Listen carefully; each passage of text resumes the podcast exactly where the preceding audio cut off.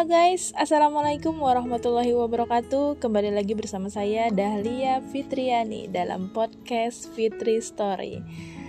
Baik, kali ini kita akan melanjutkan audiobooks kita Mudanesia Cahaya untuk Indonesia. Dan kita sudah beranjak pada bab 5, karya. Langsung saja guys Islam agama yang sempurna. Guys, Islam adalah agama yang sempurna dan menyeluruh. Bukan hanya tentang habluminallah, hubungan vertikal kepada Allah Subhanahu wa taala seperti sholat, puasa, zakat, haji dan lain-lain, tapi juga tentang habluminannas, hubungan horizontal kepada sesama manusia tentang berkeluarga, bertetangga, bermasyarakat bahkan bernegara. Islam tidak hanya berfokus pada aspek spiritual, tapi juga intelektual, emosional, finansial, sosial, ekonomi, pendidikan, hukum, politik, dan lain-lain. Islam tidak hanya membahas perkara akhirat saja, tapi juga masalah dunia, bahkan secara detail dan terperinci. Bukan hanya teori-teori indah belaka, tapi sudah ada teladan mulia yang sukses mempraktikannya, hingga berdiri sebuah peradaban yang bertahan hingga lebih dari 1300 tahun kemudian.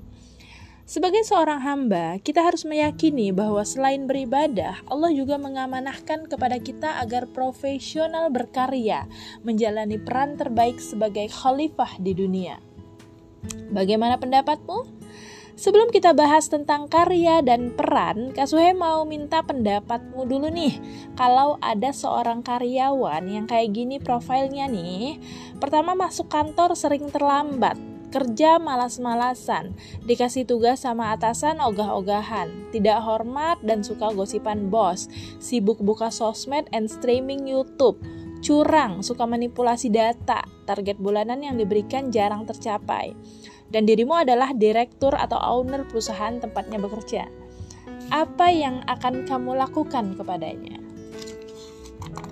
Pasti banyak jawabnya, pecat aja kak, nggak profesional banget, parah. Itu sih pegawai nggak tahu diri, nggak tahu balas budi, digaji kantor bukannya kerja, malah malas-malasan, banyak mainnya, plus suka ngegosip lagi. Hmm, iya sih, tapi maaf, kisah serupa seperti yang dialami oleh karyawan tersebut ternyata banyak juga loh dialami sama pelajar di Indonesia. Masuk sering telat, PR jarang dikerjain, di rumah nggak respect sama guru, belajar ogah-ogahan, hobi sosmed, YouTube, ngegame, ngegibah, suka nyontek, nilai pun pas-pasan. Itu pun gak sepenuhnya hasil mikir pakai otak sendiri. Ya kan? Fenomena pelajar di sekolah.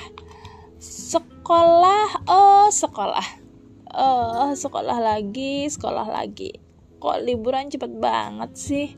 Dengar kata sekolah itu rasanya ilfil banget Apalagi kalau hari Senin, rasanya liburan berasa kurang. Harusnya hari Minggu nggak cuma sehari. Entah kenapa ya, berangkat sekolah itu rasanya berat banget. Males habis, jalan tuh udah kayak kura-kura aja. Belum lagi pas belajar, ngebosinin banget. Kerasa lama, bawaannya ngantuk, Bel pulang adalah penyelamat dan obat mujarab untuk lemah, letih, lesu, lunglai, dan loyo yang menerpa. Pokoknya tiba-tiba aja badan segar dan auto semangat, semangat cetah yang siap-siap ngejar buruannya. Wash. Yang bikin pelajar happy. Momen apa sih yang paling bisa bikin pelajar happy? Jam kosong, setuju. Ini sih benar-benar bikin happy tingkat tinggi. Apalagi kalau yang kosong adalah pelajaran yang susah. Pokoknya jam kosong adalah saat-saat yang paling dinanti-nanti dan bikin para pelajar selebrasi. Karena inilah saatnya bersenang-senang, bebas sebebas-bebasnya. Bisa ngobrol-ngobrol, ngegame atau nongkrong ke kantin emak pasti jadi the best moment of the day. Kalau pelajaran, pelajaran apa sih yang paling pelajar suka? Walaupun gak semua pelajar setuju, tapi sebagian besar udah ketebak pasti jawabannya olahraga. Kok Iya, pelajaran olahraga udah semacam pelipur lara, tempat istirahat otak yang udah ngebul, digeber habis-habisan. Olahraga adalah belajar rasa berlibur, udah kayak nggak belajar rasanya. Emang paling bener kalau olahraga ditempatkan setelah jam pelajaran MTK. Study time versus game time kalau kamu sekarang lagi senyum-senyum sendiri, berarti kamu setuju, ya kan? Ini adalah gambaran kebanyakan pelajar di Indonesia. Belajar itu bawaannya 5L, li, lemah, letih, lesu, loyo, lunglai. Pokoknya kayak capek banget, lama banget, bener-bener ngejenuhin dan membosankan. Aktivitas yang paling menyenangkan bagi kebanyakan pelajar adalah ngegame. Seru dan menantang. Mau main berapa jam juga siap saat main game, waktu terasa begitu cepat. Bahkan, Kak Soe pernah ketemu dengan seorang pelajar yang secara jujur mengatakan, semalam saya nggak tidur sama sekali demi bermain game. Wow. Harap sabar, ini ujian. Kok tahu sih kak? Gue banget toh. Kalau udah mepet mau ujian, baru deh sok sibuk sendiri minjem buku sana sini buat difoto atau fotokopi terus belajar pakai jurus SKS sistem kebut semalam. Gue banget. Nyambung ya lumayan walaupun banyak enggaknya. Namanya juga baru semalam belajar. Terus gimana pas ujian? Ya gitu pelanga pelongo kok kayaknya nggak pernah diajarin ya. Selesai ujian. Rasanya lega banget tapi pas pembagian nilai hasilnya bikin shock pola begini udah kayak siklus di kebanyakan pelajar. Ada rasa nyeselnya ketika mengalami, bahkan pernah berjanji mau semangat belajar, tapi pas mau oh, ujian, keulang lagi cerita yang sama. Kasihan ya. Nyontek. Wartawan ya, pernah nyontek saat ujian? Pelajar jawab, enggak kak, enggak salah lagi. Bukan cuma pernah kak, tapi sudah jadi kebiasaan. Ini budaya kami. Kalau ada teman sekelas yang nggak mau nyontek or nyontekin, itu namanya nggak setia kawan. Nggak mau nolong temen. Ujian aja sendiri di hutan. Terus wartawan tanya lagi nih, kok gitu? Terus kata pelajar, bukankah kalau sekelas itu udah kayak keluarga kak, berat sama dipikul, ringan sama dijinjing. Gimana menurutmu dengan dialog imajiner di atas? Setuju? Berdasarkan pengalaman Kak Suhe memberikan training kepada para pelajar. Ketika ditanya, pernah nyontek saat ujian? Hampir 100% menjawab pernah dengan berbagai macam alasan. Walau 100% sadar kalau nyontek itu dilarang. Gimana pendapatmu? Suka nggak suka? Begitulah gambaran kebanyakan pelajar kita. Kasuhe sudah cek sendiri ketika ngisi training ke para pelajar dari berbagai kota di Indonesia. Hasilnya adalah mereka sepakat dan mengiyakan. Oh ya, gimana pendapatmu dengan pernyataan berikut? Kak, males dan nyontek itu udah kayak budaya, ciri khas pelajar Indonesia. Lagi pula ini kan masih di sekolah. Beda dong kalau nanti sudah kerja, saya pasti profesional. Setuju guys, ketahuilah bahwa kerasnya dunia sekolah itu nggak seberapa kalau dibandingkan dengan kerasnya dunia kerja atau bisnis. Serius, sekolah ibarat latihan menuju kehidupan nyata di masa depan. Maka, menjadi pelajar profesional dengan belajar sungguh-sungguh di sekolah adalah bagian dari cara Allah untuk menguatkan pundak agar mampu profesional memikul amanah besar di masa depan. Inilah harga yang harus kita bayar untuk sebuah kesuksesan. Lelah sudah pasti, karena hampir setiap hari dari pagi hingga sore harus masuk ke sekolah. Wajib patuh dengan aturan yang ada, disiplin mengerjakan tugas sekolah, berkurang waktu istirahat untuk PR, persiapan ujian, dan seterusnya. Inilah proses yang harus dinikmati. Inilah cara berproses menjadi pelajar profesional.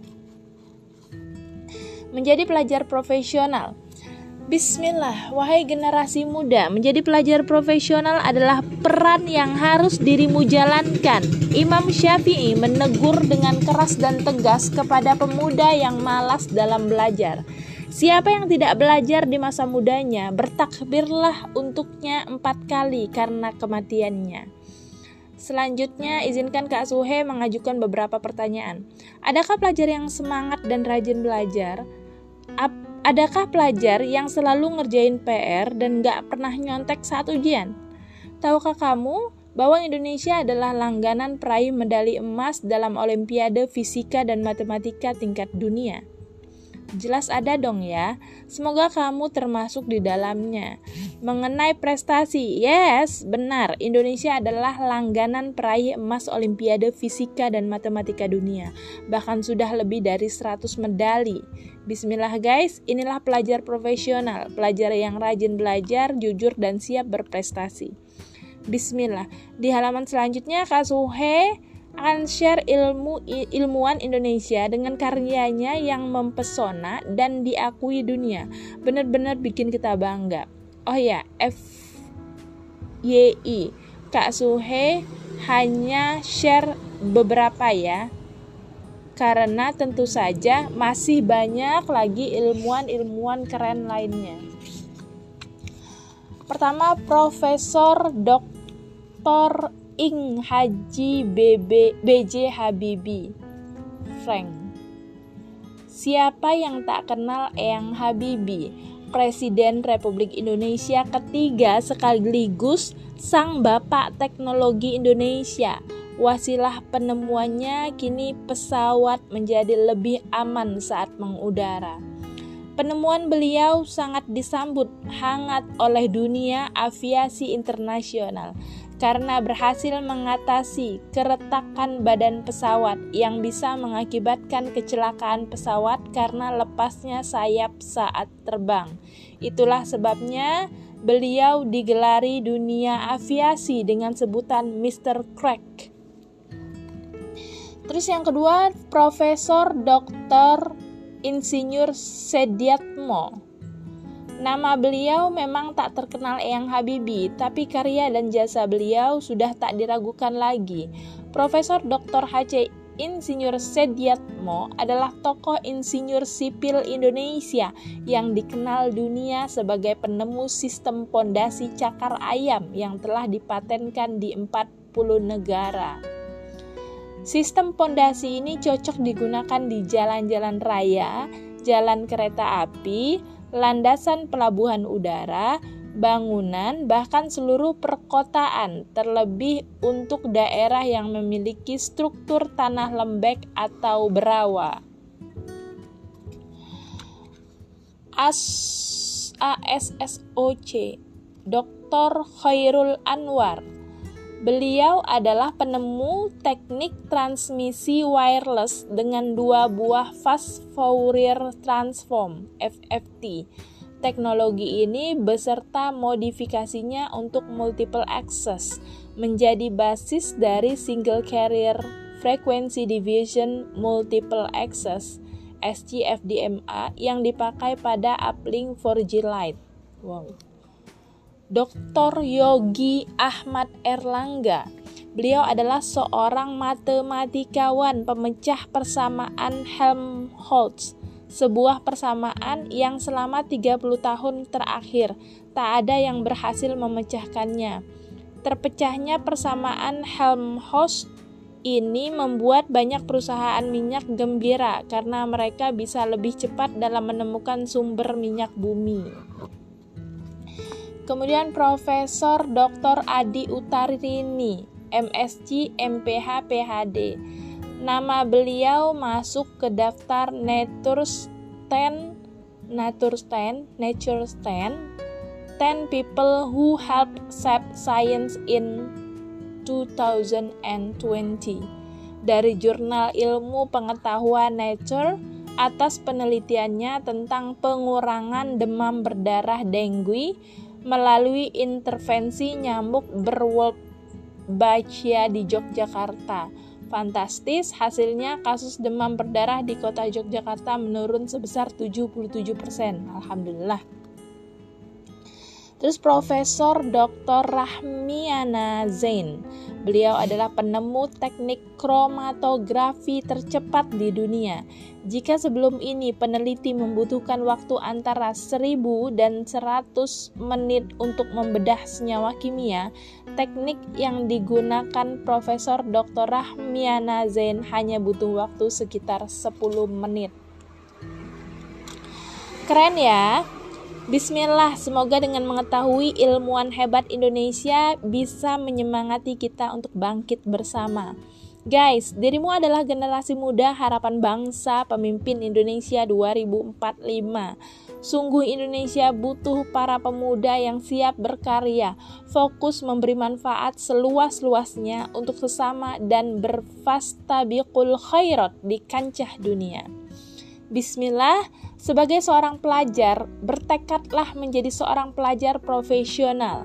Semoga dengan profesional menjalani peran sebagai pelajar, Allah ridho menjadikanmu profesional dalam peran terbaikmu di masa depan. Semangat! Yang muda, yang berkarya. Guys, yakini pasti ada alasan mengapa Allah Subhanahu wa taala menciptakan kita sebagai pribadi yang unik. Satu-satunya di dunia tak ada yang serupa dengan kita, the one and only and very limited edition. Sidik jari kita berbeda dengan semua manusia yang ada termasuk mereka yang disebut sebagai kembar identik. Guys, dengan kode spesifik itu, menandakan Allah pasti memberikan peran spesifik kepada kita. Ada misi khusus yang harus kita jalankan dan nantinya akan kita pertanggungjawabkan di hadapannya. Sebagai hambanya, mari bertekad untuk bisa mempersembahkan karya terbaik kita kepada Allah Subhanahu wa Ta'ala sebagai pemuda. Insya Allah, karya terbaik itu bisa kita berikan kepadanya dengan cara membangun tiga kesadaran penting kunci berkarya. Pertama, aku adalah pemuda Islam. Kedua, misiku khalifah dan ketiga, masa depanku pemimpin Indonesia 2045. Aku adalah pemuda Islam. Islam cinta belajar. Karenanya, sebagai pemuda Islam, sudah seharusnya kita kembali menempatkan belajar dalam posisi yang agung dalam kehidupan. Tentu bukanlah tanpa alasan Allah menempatkan Iqra sebagai ayat pertama yang Allah turunkan ke dalam hati baginda Rasulullah Muhammad wasallam. Belajar merupakan kewajiban bagi setiap muslim, baik laki-laki maupun perempuan. Guys, menjadi seorang pembelajar adalah cara hidup selamat dunia akhirat. Dengan menjadi seorang pembelajar juga akan menghantarkan kita untuk berkarya dengan optimal. Allah sungguh mengistimewakan orang-orang yang mengupayakannya. Menempuhnya, Allah mudahkan jalan menuju surga.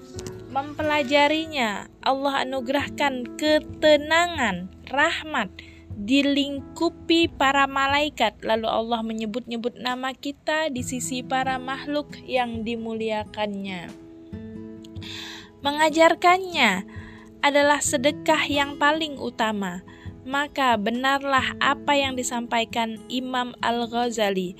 Bersungguh-sungguhlah engkau dalam menuntut ilmu, jauhilah kemalasan dan kebosanan, karena jika tidak demikian, engkau akan berada dalam bahaya kesesatan. Ilmu kunci peradaban Islam yang gemilang. Masa kejayaan Islam disebut juga sebagai Gold Age atau masa keemasan. Pada masa itu, peradaban Islam maju dalam semua sektor kehidupan. Ilmu pengetahuan adalah kuncinya. Sekolah banyak didirikan dengan masjid dan perpustakaan sebagai ciri utamanya. Universitas pertama di dunia berdiri pada masa peradaban emas ini, yaitu Al-Qarawiyyin, yang didirikan oleh seorang muslimah bernama Fatimah Al-Fihri di Fes, Maroko pada tahun 869 Masehi.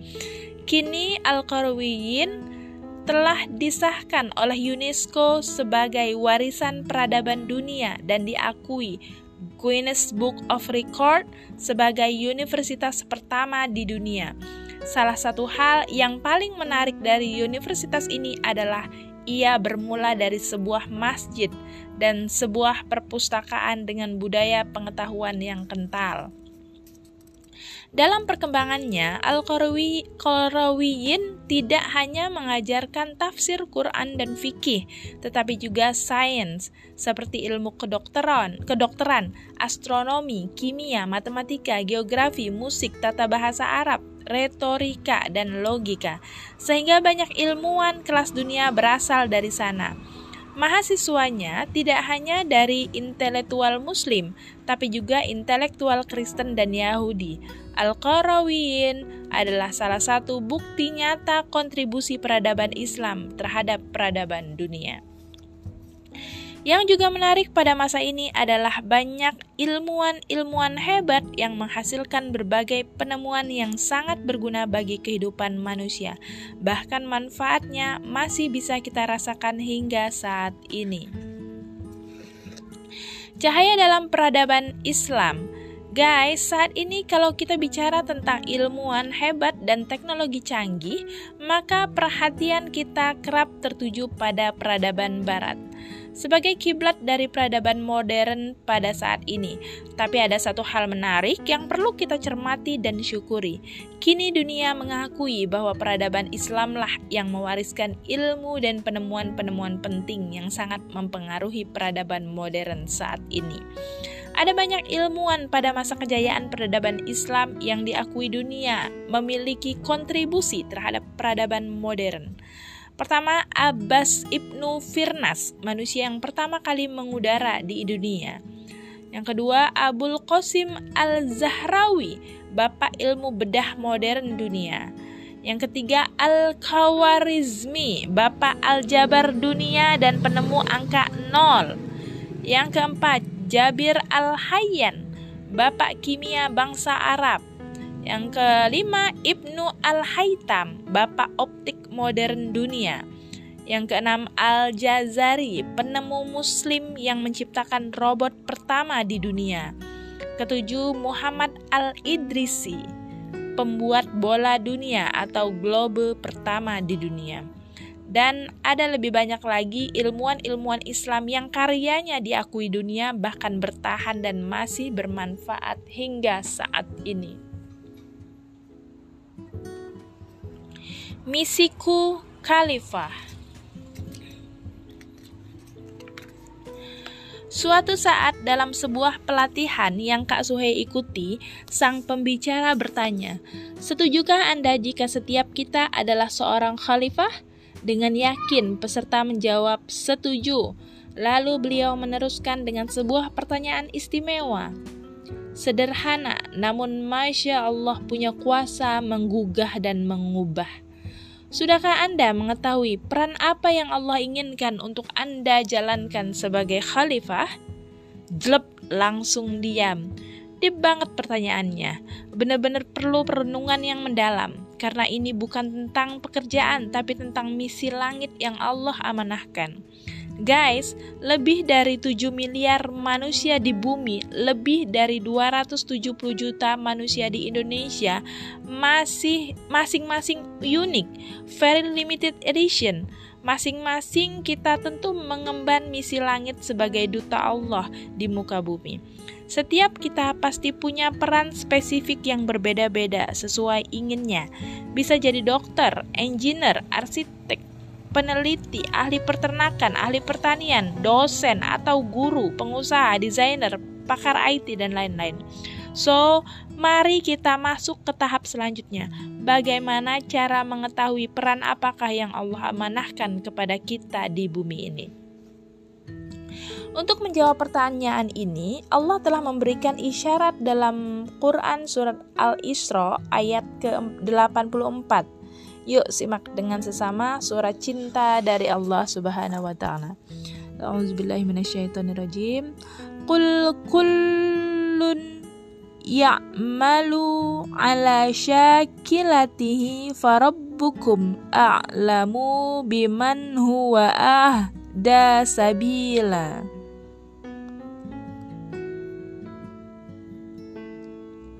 Katakanlah, setiap orang seharusnya bekerja sesuai syakilah pembawaannya masing-masing. Maka Tuhanmu lebih mengetahui siapa yang lebih benar terpandu dalam sabilan jalannya. Guys, ada dua kata kunci yang akan kita bahas di dalam ayat ini. Pertama, syakilah dan kedua, sabilan. Menarik Menarik nih untuk kita bahas Ustadz Nauman Ali Khan menyampaikan bahwa secara bahasa sakilah adalah form atau bentuk yang berarti kita diciptakan sudah dalam satu paket dengan kecenderungan yang kuat terhadap sesuatu. Kalau bahasa kekiniannya passion. Setiap kita memiliki sakilah yang unik, berbeda satu sama lain. Tentang sabilan, beliau menyampaikan bahwa Allah tidak menuliskan as-sabila tapi sabilan, yang artinya adalah sebuah jalan. Ini menunjukkan bahwa setiap orang akan punya jalan hidupnya sendiri, bergantung pada syakilahnya.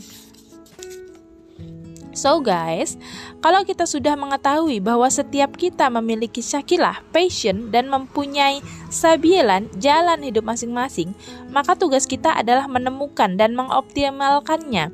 Jangan sibuk dengan kelemahan, berjuang dalam jalan yang salah. Dan penting nih, jangan repot-repot membandingkan diri dengan orang lain. Analogi yang mudah dipahami adalah ibarat kelinci dan kura-kura yang berlomba. Kita tahu pasti kalau di darat, kelincilah yang akan memenangkan perlombaan karena kekuatan kelinci adalah bisa berlari dengan ngebut di daratan. Tapi tentu akan berbeda ceritanya jika mereka dilombakan untuk menyeberangi danau. Siapa yang jadi pemenangnya? Ya, kita bisa menjawab dengan yakin kura-kuralah pemenangnya. Kelinci tak akan berkutik karena ia tak mampu berenang. Dan kura-kura akan happy karena ia tahu kekuatannya adalah berenang. Dan danau adalah jalan mengoptimalkannya. Oke, ke gambar ya. Betapa pentingnya mengetahui sakilah yang telah anu yang telah an Allah anugerahi kepada kita dan mengoptimalkannya di sabilah yang benar. So, peran apa yang akan kamu jalankan? Mulailah dengan menemukan syakilah lalu sabilanmu. Masa depanku pemimpin Indonesia 2045 Bukan gelar sarjana, tapi karya yang kaya, manfaatlah yang akan menghebatkan Indonesia.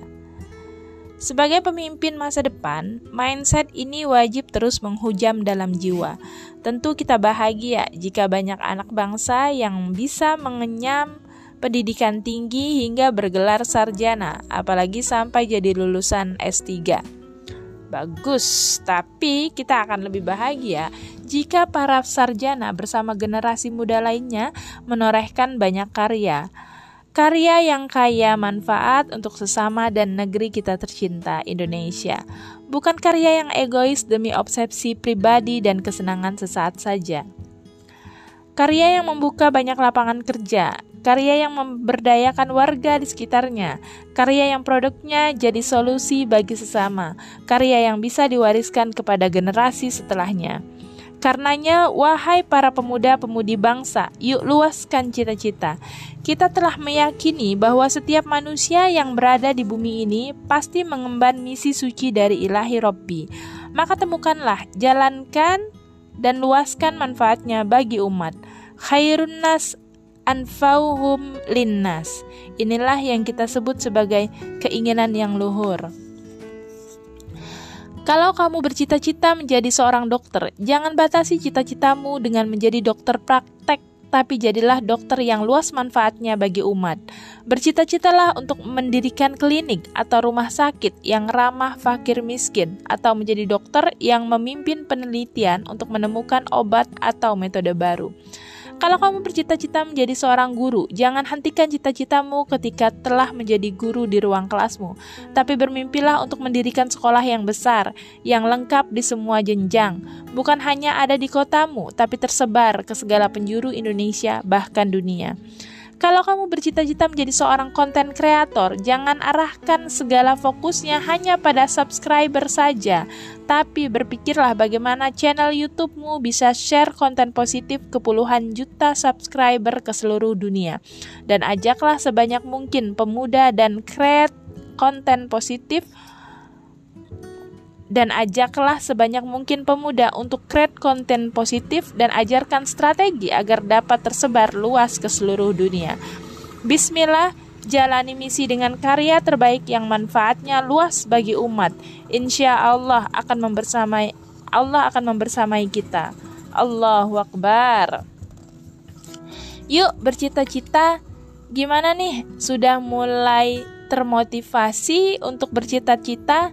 Nah, sekarang yuk coba tuliskan cita-citamu.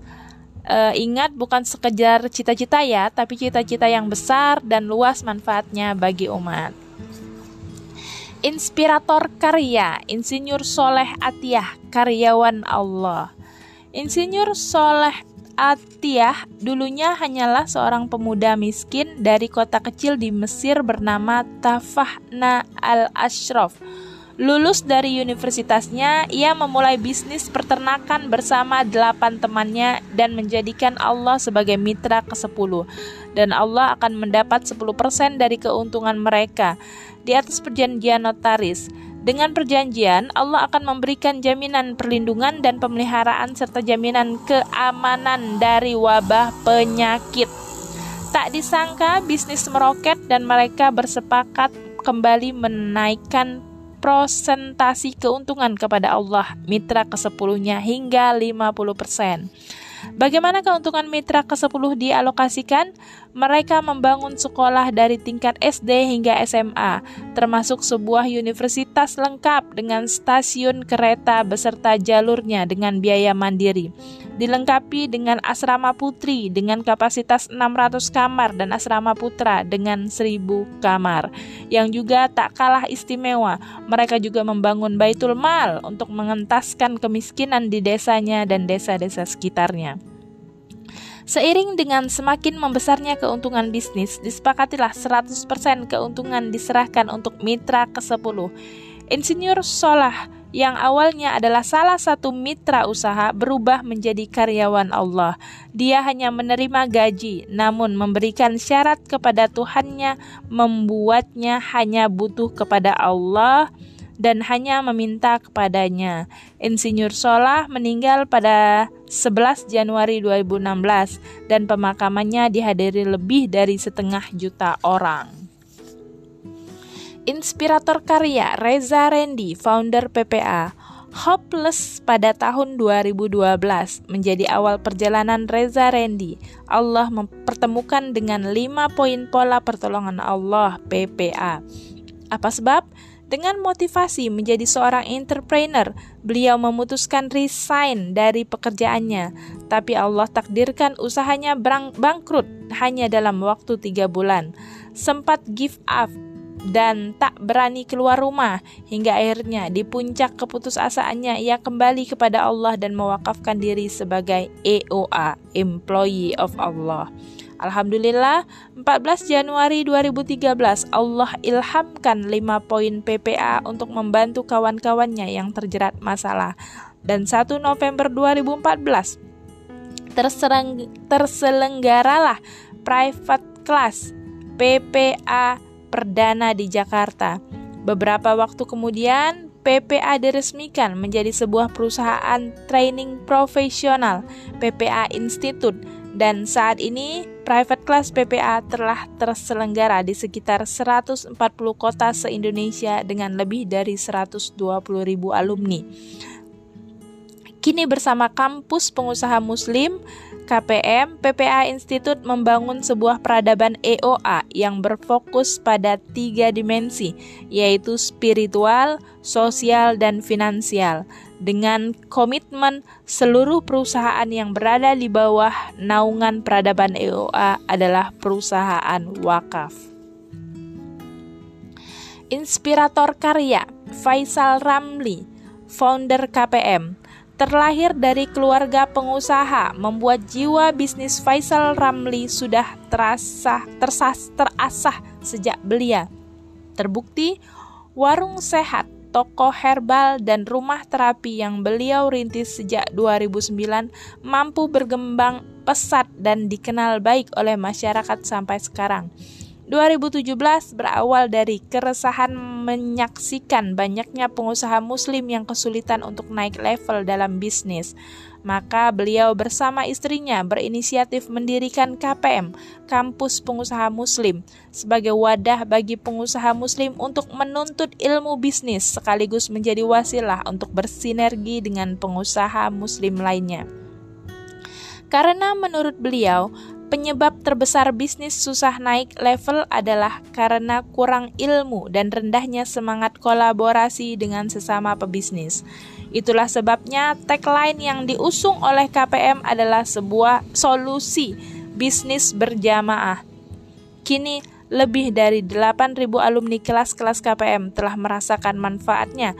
Bahkan KPM telah berhasil menjalin kerjasama dengan berbagai perusahaan besar untuk menginspirasi masyarakat tentang bisnis yang baik. Kini bersama PPA Institute, KPM membangun sebuah peradaban EOA yang berfokus pada tiga dimensi, yaitu spiritual, sosial, dan finansial. Dengan komitmen seluruh perusahaan yang berada di bawah naungan peradaban EOA adalah perusahaan wakaf. Yuk menulis setelah baca bab 5 ini Sekarang coba kamu tulis inspirasi yang kamu dapatkan dari bab 5 karya di bawah ini ya komitmen terus juga kamu juga tulis komitmen yang akan kamu lakukan setiap hari agar menjadi pribadi yang produktif berkarya Oke okay guys, bab 5 tentang karya sudah kita bacakan. Next, kita akan melanjutkan bab 6 yang bertema mulia. Namun eh, teman-teman akan kita bacakan audiobooksnya di hari berikutnya ya. Tetap stay di podcast Fitri Story. Oke, wabillahi taufiq wal hidayah. Wassalamualaikum warahmatullahi wabarakatuh.